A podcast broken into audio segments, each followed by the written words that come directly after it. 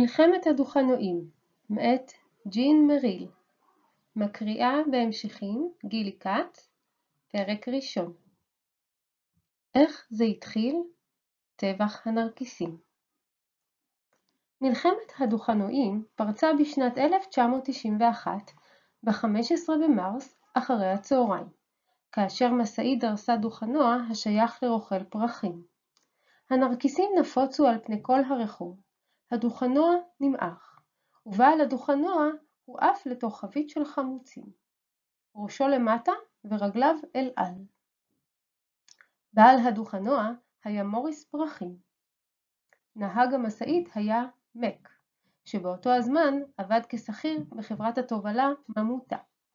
שמו המלא של מק היה אלברט פיי מק, אבל ברוב המסמכים העוסקים במלחמת הדוכנועים הוא נקרא פשוט מק. האירוע היה בעיר ניו יורק, ליד הצומת של השדרה השישית ורחוב 17. מק ניסה להכנות את המשאית שלו, היה עליו לפרוק מטען של כיסאות לפסנתר, והמקום שביקש לחנות בו לא כל כך הספיק לו. כשראה מק שלא יוכל לדחוס את המשאית במקום הפנוי ליד המדרכה, הוא צרח על מוריס פרחים שיזיז משם את הדוכנוע שלו. הדוכנוע של מוריס חנה בדיוק לפני מק. מוריס כבר חנה שם במשך חצי שעה לפני כן, והמכירות הלכו לו דווקא טוב. משום כך הוא התעלם ממק. מק הלם בצופר. מוריס זקף את ראשו. למה שאני אזוז? הוא שאל. אני עובד כאן. יכול להיות שאם מק היה מדבר אל מוריס בנימוס, מוריס היה אולי מנסה לדחוף את הדוכנוע שלו מטר או שניים קדימה. אבל הוא לא אהב שיצרחו עליו. הוא היה אדם גאה. חוץ מזה, בדיוק היה לו באותו רגע לקוח.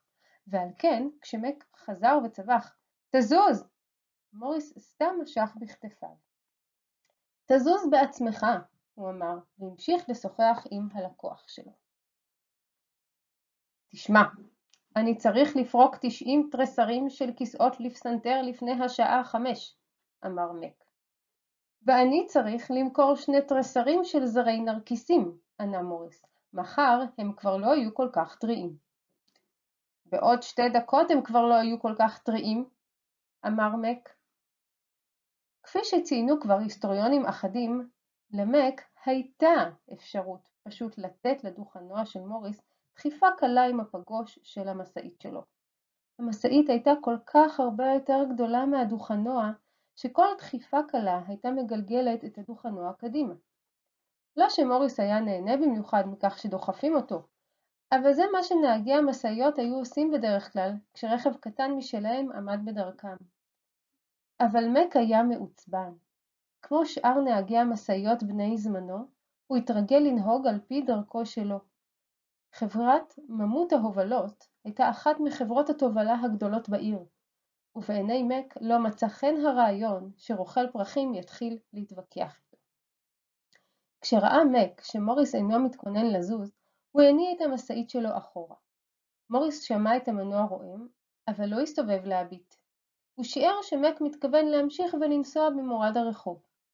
במקום זה, מק נסע הישר לתוך החלק האחורי של הדוכנוע של מוריס. נרקיסים נפוצו למרחק כ-50 מטר, ומוריס עצמו הושלך, כפי שאמרנו לעיל, לתוך חבית של חמוצים. זהו האירוע הידוע לנו כיום בשם טבח הנרקיסים. העובדות הנוגעות לטבח הנרקיסים ידועות לנו הודות לנער אחד, שבאותו יום קיבל במתנה מצלמה ליום הולדתו, ונזדמן לו לעמוד במקרה ליד חבית החמוצים. שמו היה מרווין רוי.